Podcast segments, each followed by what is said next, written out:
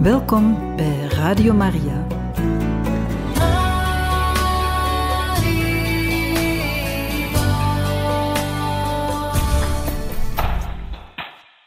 Van harte welkom, beste luisteraars, in het programma Catechismus. In de uitzending van vandaag luisteren we verder naar priester Daniel de Witte. Hij zal het verder hebben over het symbolum van het geloof en we zijn gekomen aan het geloofsartikel Jezus heeft geleden, is gestorven en begraven. Beste luisteraars, beste broeders en zusters, in onze catechese-reeks over het symbool van het geloof zijn wij gekomen aan die geleden heeft onder Pontius Pilatus, gestorven is en begraven. We willen eerst het licht van Gods Heilige Geest vragen om deze mysteriën goed te kunnen begrijpen en tot ons door te laten dringen. Kom, Heilige Geest, vervul de harten van uw gelovigen en ontsteek in hen het vuur van uw liefde. Zend uw geest uit en alles zal herschapen worden, en hij zult het aanschijn der aarde vernieuwen. Heer onze God, altijd opnieuw hebt gij door de verlichting van de Heilige Geest de harten van uw gelovigen onderwezen. We vragen ook vandaag door diezelfde geest te mogen komen tot waar inzicht en tot de juiste kennis van Jezus, uw Zoon. We beginnen met een woord te zeggen over het verraad van Judas. Tijdens het laatste avondmaal zei Jezus tot zijn leerlingen: Eén van jullie zal mij overleveren. De leerlingen keken elkaar aan in het onzekere. Wie bedoelt hij? En Simon Petrus gaf een teken aan Johannes, die naast Jezus aanlag. Hier is dat wondermooi. Johannes ligt tegen Jezus' borst aangeleund. Johannes is de exegeet, de onderzoeker, de vorser, die eigenlijk luistert naar het hart van Jezus, waarin het hart van God zelf klopt. En hij verneemt van Jezus eigenlijk wat er in God leeft en wat Jezus van God aan ons mee wil delen. Dus Petrus doet een teken naar Johannes. Vraag ik wie dat, dat is, die, die, die hem over zal leveren. En Jezus zegt, hij zegt niet het is Judas, Jezus zegt het is diegene aan wie ik het stuk brood zal geven, dat ik zal indopen. En hij geeft het aan Judas. Deze nam het aan en ging weg. Het was nacht, noteert de evangelist. Nacht in het hart van Judas, nacht ook in het hart van de wereld, omdat de Heer van het leven in de handen van de moordenaar zal vallen. Johannes, de evangelist, ziet hoe Jezus hier Judas lief had. Hij ziet eigenlijk dat Jezus ook aan Judas brood geeft. Je zou kunnen zeggen, Jezus geeft ook aan Judas de heilige communie. Maar Judas neemt dat wel aan, maar zijn hart staat er niet meer naar. Judas aanvaardt Jezus niet meer als de Heer van zijn leven. En evenmin God die Jezus heeft gezonden, voor Judas telt het niet meer dat God de Heer moet zijn van zijn leven. Hij heeft andere dingen om zijn hoofd. Waarschijnlijk kan Judas het niet plaatsen dat Jezus zijn tijd verprutst. Want in Judas' ogen is dat zo. Wat doet Jezus? Ja, een of andere bedroefde vrouw troosten, een zieke nabij zijn, en helpen en, en genezen. Maar dat is voor Judas allemaal veel te weinig. Maar Jezus toch, denkt Judas, waar is je vuur van het begin waarvoor ik je gevolgd ben? Toen kon je zo mooi spreken. En ik dacht dat jij de Romeinen buiten zou jagen en zelf koning zou worden. En dan zou ik minister zijn en een van uw, een van uw ministers en uw koninkrijk. Maar nu, Allee, Jezus, doe toch voort, alsjeblieft, doe toch voort. Waarom uw tijd verspillen met dit van niets, met een zondaar zijn zonde te vergeven en zo? Grijp de macht. Jaag de Romeinen buiten. En daarom heeft Judas waarschijnlijk Jezus overgeleverd, in handen gespeeld van de Joodse overheden. En heeft daarvoor dertig zilverlingen gekregen. Want Judas had ook iets met geld. Hij hield meer van geld dan van Jezus. Dus hier zijn verschillende dingen: macht en geld en eer en roem. De macht grijpen iemand zijn op aarde, een aardskoninkrijk. Judas laat niet toe dat Jezus Gods koninkrijk brengt, Gods heerschappij. En daarom wil hij hem als het ware dwingen, in de hoop, als hij hem in de handen speelt van de Joodse overheid, dat Jezus dan de macht zal grijpen en zich tot koning zal uitroepen en de Romeinen buiten zal kegelen en zelf koning zal worden. Maar dat doet Jezus allemaal niet. Jezus gaat voort met zijn zending, die hij zal vervullen ten einde toe, als de Joodse leiders hem niet toelaten, dat God de koning van hun leven wordt, dan zal Jezus het doen in ons en in hun aller plaats. Hij zal plaatsvervangend in ons aller plaats God de koning laten zijn in zijn leven ten einde toe. Dan komen we aan de doodstrijd van Jezus in de Hof van Olijven. En hier volg ik van nu af aan weer de leidersmysteriën van onze rozenkrans. Het eerste mysterie is Jezus' doodstrijd. Na het laatste avondmaal ging Jezus met zijn leerlingen naar buiten, naar de Hof van Olijven, en hij vroeg zijn leerlingen te bidden. Drie van hen, dezelfde die op de tabor waren geweest, nam hij met zich mee, een beetje verder mee. En dan werpt Jezus zich ter aarde en vraagt aan zijn hemelse Vader: Vader, voor u is alles mogelijk. Laat deze kaak aan mij voorbij gaan, maar toch niet wat ik wil, maar wat gij wilt, Vader. En dan ging hij naar zijn leerlingen terug en vond hen in slaap. En dat gebeurde tot driemaal toe. Jezus begon angstig te worden. Hij zweette water en bloed. Dat bloed viel in dikke druppels neer op de grond. Jezus zag daar in die hof van olijven in zijn doodstrijd alles wat over hem heen komen. En ook al de zonden van de mensen, ook de onze. Hij was gekomen om de zonde uit te boeten, maar de prijs daarvoor was uitermate zwaar. Dan zei Jezus tot zijn leerlingen: Slaap nu maar door. Mijn verrader is nabij.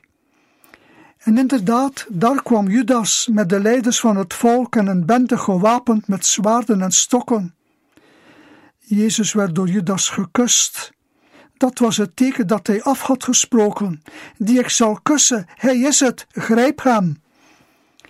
Jezus werd toen gevankelijk meegevoerd naar het paleis van de hoge priester. En daar werd hij ondervraagd door de hoge priester en zijn raad. Johannes, de evangelist, noteert dat de hoge priester hem ondervroeg over zijn leerlingen en zijn leer. En dan heeft Jezus geantwoord: Ik heb altijd in het openbaar gesproken. Waarom ondervraagt gij mij? Vraag het aan hen die mij gehoord hebben. Zij weten heel goed wat ik heb gezegd. En dan gaf een van de dienaars Jezus een klap in het gezicht. Dat staat in het hoofdstuk 18 van Johannes in de versen 12 tot 27. Johannes wil daarmee eigenlijk zeggen: Eigenlijk had ik Johannes moeten antwoorden, want ik was toch zijn geliefde leerling. Ik had moeten zeggen wat Jezus allemaal verteld had en verkondigd had. Maar ik zweeg, en toch was ik daar dicht bij Jezus, in hetzelfde paleis van de hoge priester.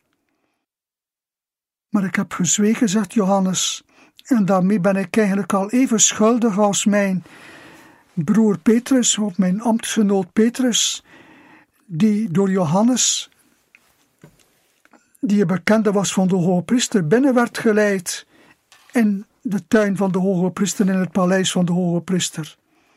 Ik heb dat al verteld, he, dat Johannes een bekende was, omdat de hoge priesters van Judea, van Jeruzalem, hun held staken in de rederijen van Galilea, in de rederijen van de vissers van Galilea, ook in, in die van de vader van, van Johannes en van Jacobus waarschijnlijk. Dan Johannes kende de hoge priester en zo kon hij Petrus binnenleiden. Maar daar heeft Petrus driemaal Jezus verloochend. Er kwam een dienstmeisje en dan nog eentje. En dan vroeg een van de knechten, die rond een houtskoolvuur daar samen eh, stonden getropt. Maar je was toch ook een van die leerlingen van die man? Je was er toch ook bij daar in, in de boomhaard? Ik heb je daar toch gezien? Ik ken die mens niet, zei Petrus dan. En alle andere leerlingen waren gevlucht. Jezus moest het allemaal alleen doorstaan. Ze voerden Jezus dan naar Pilatus, want Jezus moest sterven. Hij had God gelasterd. Hij had gezegd dat hij de Christus was, de zoon van de gezegende, en dat de mensenzoon nu zou zitten aan de rechterhand van de macht en zou komen met de wolken des hemels. Marcus 14, 61 tot 62. En dan komen we aan ons derde, of beter ons tweede uh, leidersmysterie, de geesteling van Jezus. De Joden misten het recht om iemand te doden. Ze waren een bezet land en voor een doodstraf was de toestemming vereist van de landvoogd. Dat was toen Pontius Pilatus. Die naam wordt telkens weer genoemd als wij de geloofsbeleidenis uitzeggen. Heer Jezus' verhaal is geen sprookje, het is geen tijdloze mythe. Jezus is gestorven op een heel bepaald ogenblik en op een welbepaalde plaats, zoals hij ook geboren werd toen Augustus keizer was en toen er een volkstelling gehouden werd. Dat hebben wij vroeger al verteld als we het hadden over Lucas 2. Jezus is werkelijk mens geweest. Op een heel bepaald ogenblik en op een heel bepaalde plaats in de geschiedenis. Hij is geen afgod zoals Zeus of Apollos bij de Grieken en de Romeinen. In ieder geval, Jezus wordt dus bij Pilatus gebracht. Maar die vindt geen reden om hem te kruisigen. Hij liet Jezus geeselen en wilde hem toen vrijlaten. Maar die geesteling was eigenlijk iets vreselijks. Dat waren zweepslagen met koorden waaraan ijzeren bolletjes hingen en metalen haken om je werkelijk pijn te doen. Brokken vlees werden uit je lichaam gerukt. En ik zeg het wel niet graag, maar ook zijn intieme lichaamsdelen werden zeker niet gespaard. Daar heeft Jezus boete gedaan voor alles wat wij met ons lichaam misdoen, ook op gebied van de kuisheid. En bovendien geestelden de Romeinen niet zelf. Ze hadden daarvoor huurlingen, Sirius bijvoorbeeld. En we mogen ervan uitgaan dat de grootste vijanden van het Joodse volk ook werden uitgezocht om die Jood Jezus te slaan. Als wij dat mysterie overwegen bij het bidden van onze rozenkrans, vragen wij de Heer om een geest van boetvaardigheid in ons leven. Wat is dat, een geest van boetvaardigheid? Dat is een geest van gebed, een geest van almoezen geven en van vasten. Dat zijn de drie grote boetewerken die boeten, dat betekent visdraden, visnetten, de draden van visnetten herstellen. Dat is een middel-Nederlandse vissensterm. Visnetten herstellen, draden herstellen, dat is boete doen. En dat is de band met God, met de naaste en met de dingen herstellen. Met God door te bidden, met de naaste door te delen, en met de dingen door wat te vasten, door sober te zijn, door geen slaaf te zijn, ook niet van die goede dingen in ons leven, waar we wel mogen van genieten, maar met mate. En we doen daar op bepaalde dagen afstand van, om weer wat orde te krijgen in ons bestaan, om meester te zijn, ook over goede dingen waarvan we de slaaf zijn geworden. Dat is een geest van boete. We vragen dus om met Jezus mee te mogen doen in zijn uitboeten van ons eigen kwaad en in dat van alle anderen. Pilatus had Jezus, heb ik al gezegd, vrij laten willen laten, maar de Joodse leiders hadden de vrijlating van een moordenaar gevraagd, van Barabbas. En nu gebeurt er een keer iets heel subtiels. Pilatus is er ingelopen Eigenlijk wilde hij Jezus dood niet. Hij zag dat Jezus schouderloos was en rechtvaardig. Hij wilde Jezus vrijlaten. Maar dat is verkeerd, dat is buiten de waard gerekend. Pilatus had niet mogen zeggen: Wilt gij dat ik in plaats van Barabbas, die hij jullie vrij willen laten, laten, vrij willen laten met Pasen, wil je dat ik Jezus vrijlaat? Maar de Joden hebben dat heel goed gezien, he, die Joodse leiders. Pilatus erkent hier eigenlijk dat Jezus een schuldenaar is. Want anders zou je niet moeten spreken van hem vrij te laten. Pilatus had eigenlijk moeten zeggen: Kijk, over Jezus spreken we niet. Ik laat Barabbas vrij en Jezus ook. Maar nee, hij, mag, mag ik Jezus vrijlaten? Nee, zeggen de Joden. Barabbas moet vrij. En dan is Pilatus erin gelopen, zo subtiel. En heeft het niet gewild. Hij was zijn handen in onschuld. Maar ondertussen laat hij hem wel in hun handen om gekruisigd te worden. Het derde leidersmysterie is dat van de doornenkroning. Pilatus had Jezus dus maar veroordeeld en de soldaten hadden hun spelletje met hem gespeeld. Het is altijd zo, als iemand veroordeeld wordt, heeft het gepeupel plezier. De soldaten meenden macht over Jezus te hebben. Ze hingen hem een spotmantel om en gaven hem een ritstok in de hand en zetten een kroon van doornen op zijn hoofd. Dat waren scherpe doornen, ja van wel tien centimeter lang zoals die daar groeiden in Palestina. En ze sloegen dan nog eens op die kroon van doornen die op Jezus hoofd stond. Ze sloegen dan nog een keer op, om dat goed Jezus huid van zijn hoofd, zijn hoofdhuid te laten prenten en te drukken. Gegroet, o koning der Joden, zeiden ze. Ze blinddoekten hem en spuwden hem in het gezicht en sloegen hem in het gezicht. Zeg eens, koning der Joden, wie heeft u geslagen? En nu is het wonder, Jezus zweeg. Toen liet Pilatus hem weer naar buiten brengen en zei: Zie de mens. De zoon van God die mens geworden was, die was nu tot spot verheven. Maar Pilatus had, juist, had het juist voor. Deze Jezus, ook al was hij gegeeseld en met doornen gekroond, hij is de volmaakte mens. Hij slaat ook niet terug, hij zwijgt. En dan heeft Pilatus hem overgeleverd om hem te laten kruisigen. Als wij dat mysterie overwegen in ons rozenkransgebed, vragen wij om de versterving van onze eigen liefde. Wij slaan zo gemakkelijk terug, met de vuist ofwel met woorden. Maar Jezus zweeg. Ze bespotten hem, ze bespuwden hem, ze, ze van alles in het gelaat. Maar hij zweeg. Als christenen vervolgd worden, is het beste dat ze kunnen doen zwijgen en verdragen. Want zoals Jezus al gezegd had in Matthäus 5, vers 12, in zijn bergreden en in de zaligsprekingen, zalig als je vervolgd wordt om mijnentwil, want groot is uw loon in de hemel.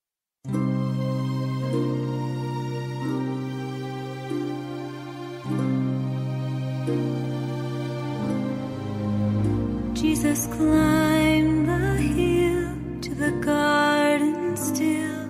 His steps were heavy and slow. Love and a prayer took him there to the place only he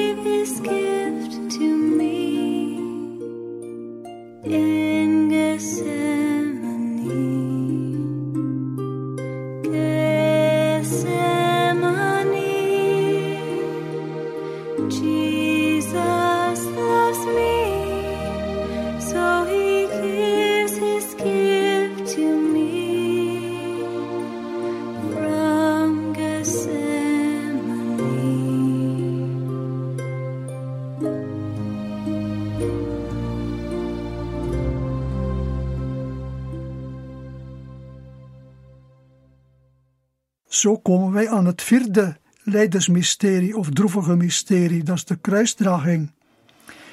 En in de overweging van dat vierde leidersmysterie zouden wij eigenlijk de gehele kruisweg kunnen gaan. Je weet wel, die veertien staties, die staanplaatsen bij de veertien afbeeldingen van de etappes op Jezus' kruisgang naar Calvarië, naar Golgotha, zoals in onze kerken aan de muren hangen. Jezus wordt ter dood veroordeeld. Pilatus heeft geen schuld in hem gevonden en toch bezwijkt hij voor de druk van de Joden. Jezus heeft zich voor koning uitgegeven, zeggen de Joden. Maar de Romeinen kennen maar één koning, de Romeinse keizer. Voor de Joden speelde dat eigenlijk niet, dat Jezus koning was. Dat was niet zozeer het probleem. Of dat de keizer de enige koning was, dat speelde niet zozeer. Maar ze hebben er politiek argument van gemaakt. Als je die man vrijlaat, ben je geen vriend van de keizer, want hij heeft zich voor koning uitgegeven. Jezus had inderdaad tot Pilatus gezegd dat hij koning was, maar dat zijn rijk niet van deze wereld was. Dat staat in Johannes hoofdstuk 19. Voor de Joden moest Jezus eigenlijk sterven, omdat hij zich voor Gods zoon had uitgegeven. Het Joodse motief was godslastering. Zie wat we al zegden over Jezus' goddelijke aanspraken, die door de Joden niet werden verdragen. Voor de Romeinen was dat geen argument, dat hij zich voor koning, of dat was een argument. Dat was, ja, dat was zij een gevaar. En in die term Messias, ja, die soms wel voor hem gebruikt werd, vandaar dat Jezus zo voorzichtig is, zwijgt daarover als als hij vraagt wie zegt hij dat ik ben, hij zegt de Messias, zegt Petrus. Zwijg, zegt Jezus, voordat ik, of totdat ik uit de doden zou zijn verrezen, want je kunt dat verkeerd verstaan. Ik zal de Romeinen niet buiten kegelen, zoals Judas het wilde en zo. Nee, ik breng het koninkrijk van God, mijn rijk is niet van deze wereld. Maar de Joden maakten van al zijn aanspraken, zijn goddelijke aanspraken, een politiek argument. Hij geeft zich voor koning uitgegeven. En dan moest Pilatus ja eigenlijk wel beven. Hij gaf toe. En dan neemt Jezus vrijwillig het kruis op zijn schouder. Dat is de dwarsbalk, want de verticale paal stond al op Golgotha klaar, op de schedelplaats. Dat waren niet, was niet een plaats waar veel schedels lagen. Dat noemde ze omdat, omdat die die heuvel eigenlijk de vorm had van een schedel. Jezus neemt dus het kruis op zijn schouder, die dwarsbalk, en hij gaat zijn weg door de straten van Jeruzalem op weg naar Golgotha. Jezus is echter heel zwak geworden door al dat bloedverlies van de geesteling en ook de wonden. En je mag dan ook wel niet vergeten dat er allerlei soorten ongedierte opkwam neerstrijken op die wonden want het was daar een warm klimaat. We vergeten dat dikwijls, maar Jezus lijden was verschrikkelijk. Hij valt dan ook drie keer op zijn kruisweg, maar hij krijgt ook troost van zijn moeder, de vierde statie, van Veronica, de zesde statie, die met haar doek om Jezus gezicht wat af te drogen komt. En zijn beeldenis staat in haar doek geprent, in haar doek maar veel meer nog in haar hart. En dan komt ook nog Simon van Cyrene, die van het veld kwam en die door de officier gedwongen werd om Jezus te helpen bij het dragen van zijn kruis, want die officier zag namelijk dat Jezus het nooit zou halen, dat hij nooit op die Calvarieberg aan zou komen, op eigen kracht alleen. Simon zal het met tegenzin gedaan hebben, maar toch, hij ontmoet daar Jezus en weg op die kruisweg zijn kruisschapen dragend, helpen te dragen. dan ziet hij die Jezus, dat is toch een bijzondere man. En twee van zijn zonen, Alexander en Rufus, zegt de Bijbel, zegt de schrift, zullen later een belangrijke plaats bekleden in de eerste kerk. Ze zullen christen zijn, misschien priesters van Jezus. Ziet wat dat teweeg brengt met Jezus je kruis dragen, ook voor ons, als het soms moeilijk is, maar je verenigt je lijden met dat van Jezus. En dan krijg je grote genade en kracht om het uit te houden en om mooi te leven eigenlijk en het schoon te dragen. En dan ontmoet Jezus nog een groep winnende vrouwen. Vrouwen van Jeruzalem die staan te weeklagen en te wenen. En Jezus troost hen, ondanks zijn eigen lijden. Vrouwen van Jeruzalem, ween niet over mij, maar weent over u en over uw kinderen. Dat zegt Jezus, maar hij troost hen ook. En dan nagelen ze hem aan het kruis, op die dwarsbalk, die ze op de verticale plaat, op die verticale paal beter aanhechten. Jezus' handen en voeten worden hier met scherpe nagels doorboord. Die zegenende handen, die voeten die hem naar zoveel lijdende mensen hebben gebracht. En dan komen we aan het vijfde en het laatste leidersmysterie. Jezus sterven op het kruis, een kruisdood. Jezus is aan het kruis genageld en sterft op het kruis. En in zijn gekruisigde armen verzamelde hij alle mensen van alle tijden. En hij trok ze mee naar God zijn Vader. Hij maakte de hemel open voor ons allen. Hij is het lam Gods dat alle zonden wegdraagt. Jezus is hier geheel machteloos. Hij had wel van het kruis af kunnen komen als zoon van God en zijn beuren bijvoorbeeld neer kunnen bliksemen. En dan zou in de geschiedenisboekjes gestaan hebben dat er daar een groot wonder was gebeurd, dat een van het kruis af was gekomen. Maar dan zal het ook al, al geweest zijn, dan waren we niet verlost. Maar Jezus volbrengt de profetie van Jesaja 53. Hij werd als onschuldige gedood om ons te verlossen van zonde en dood. Alle leerlingen waren gevlucht. De menigte stond op een veilige afstand toe te zien.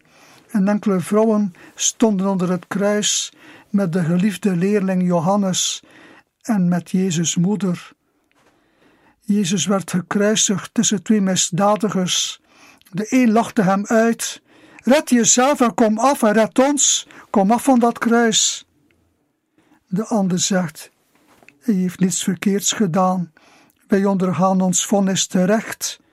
Jezus, denk aan mij als je in je koninkrijk gekomen bent. En Jezus belooft hem vandaag nog, vandaag nog zal je met mij zijn in het paradijs. Jezus zei ook nog: Ik heb dorst. Heel zijn leven en zijn wezen was dorst naar zielen, dorst naar onze liefde. En Jezus gaf dan ook nog zijn moeder aan Johannes, en daarmee gaf, zij, gaf hij ze aan ons allemaal. Zie daar uw moeder, zei hij tegen Johannes. Moeder, zie daar uw zoon. En hier krijgt Maria, in plaats van Gods eigen zoon, krijgt ze nu een zoon van Zebedeus, waarvoor ze moet zorgen. Maar met hem ons allemaal, ze is ons aller moeder.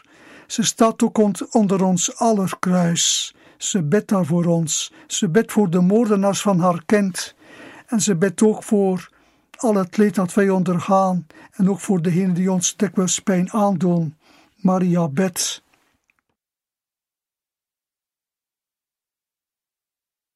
Dat Jezus Maria aan Johannes gaf om voor, te, om voor haar te zorgen. Dat is eigenlijk ook wel een teken dat Jezus geen broers of zussen had, dat Maria geen andere kinderen had dan Jezus. Want dan had Johannes niet moeten zorgen voor Jezus, maar de broers en de, of de zussen van Jezus. Maar nee, die had hij niet. Jezus stierf in totale Godverlatenheid.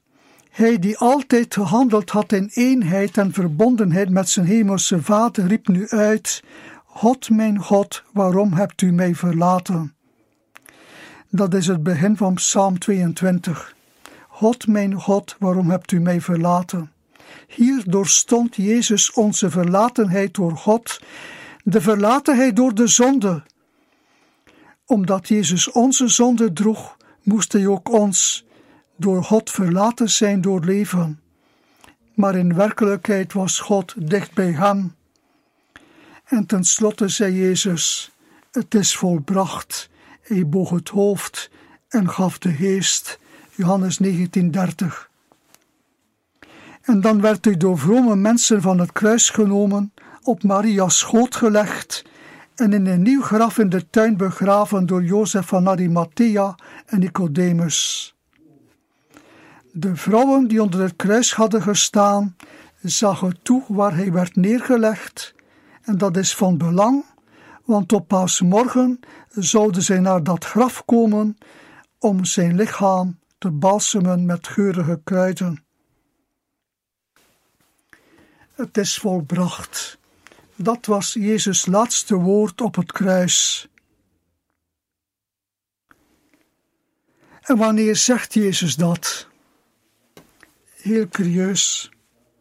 Jezus zegt dat op het moment dat de grote sabbat begint, namelijk op de vooravond, op die goede vrijdagavond, wanneer Jezus aan het kruis hangt, dan vierde men in de tempel ja, een, een, ceremonie, een ceremonie of een ritueel om de Sabbat te vieren. De viering van de Sabbat, het was een grote Sabbat met Pasen, de grote Sabbat. En dan werd in de tempel gebeden. Namelijk, er werd gereciteerd uit Genesis 2, vers 2. En God rustte op de zevende dag en bracht door zijn rusten het werk van zijn schepping tot voltooiing. God voltooide de schepping door te rusten op de zevende dag. Op dat moment zegt Jezus: Het is volbracht. Dat is volbracht is juist hetzelfde woord als God in het begin voltooide de schepping op de zevende dag door te rusten. In het Hebreeuws is dat hetzelfde woord. En een woord daarvan afgeleid van dezelfde stam, SLM, zit daarin, is het woord shalom, vrede in het Hebreeuws.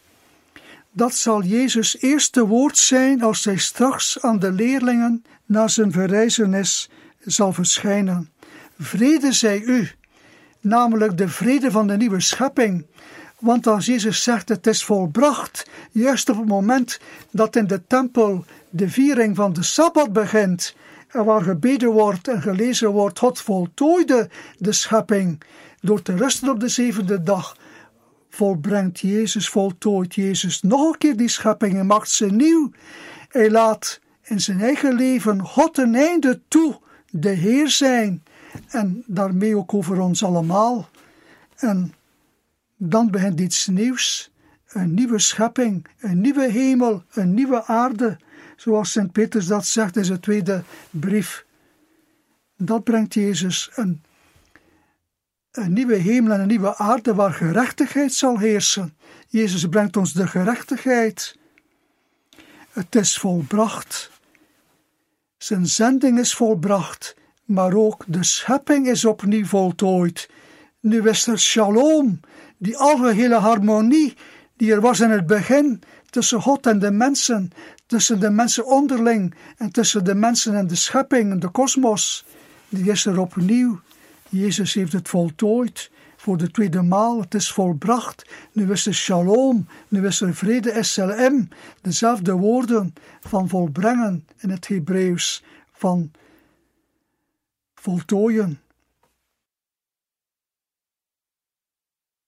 Op vele kleine miniatuurtjes zo in boeken, waar een eerste letter van een geschrift versierd wordt met een miniatuurtje, met een, ja, een beeld uit Jezus' leven. En ook op kleine icoontjes. Uit Syrië, uit de eerste christentijd, staat Jezus dikwijls afgebeeld op het kruis met een liturgisch gewaad aan, zoals de priester draagt in de mis. Dat is heel mooi en dat is heel juist ook.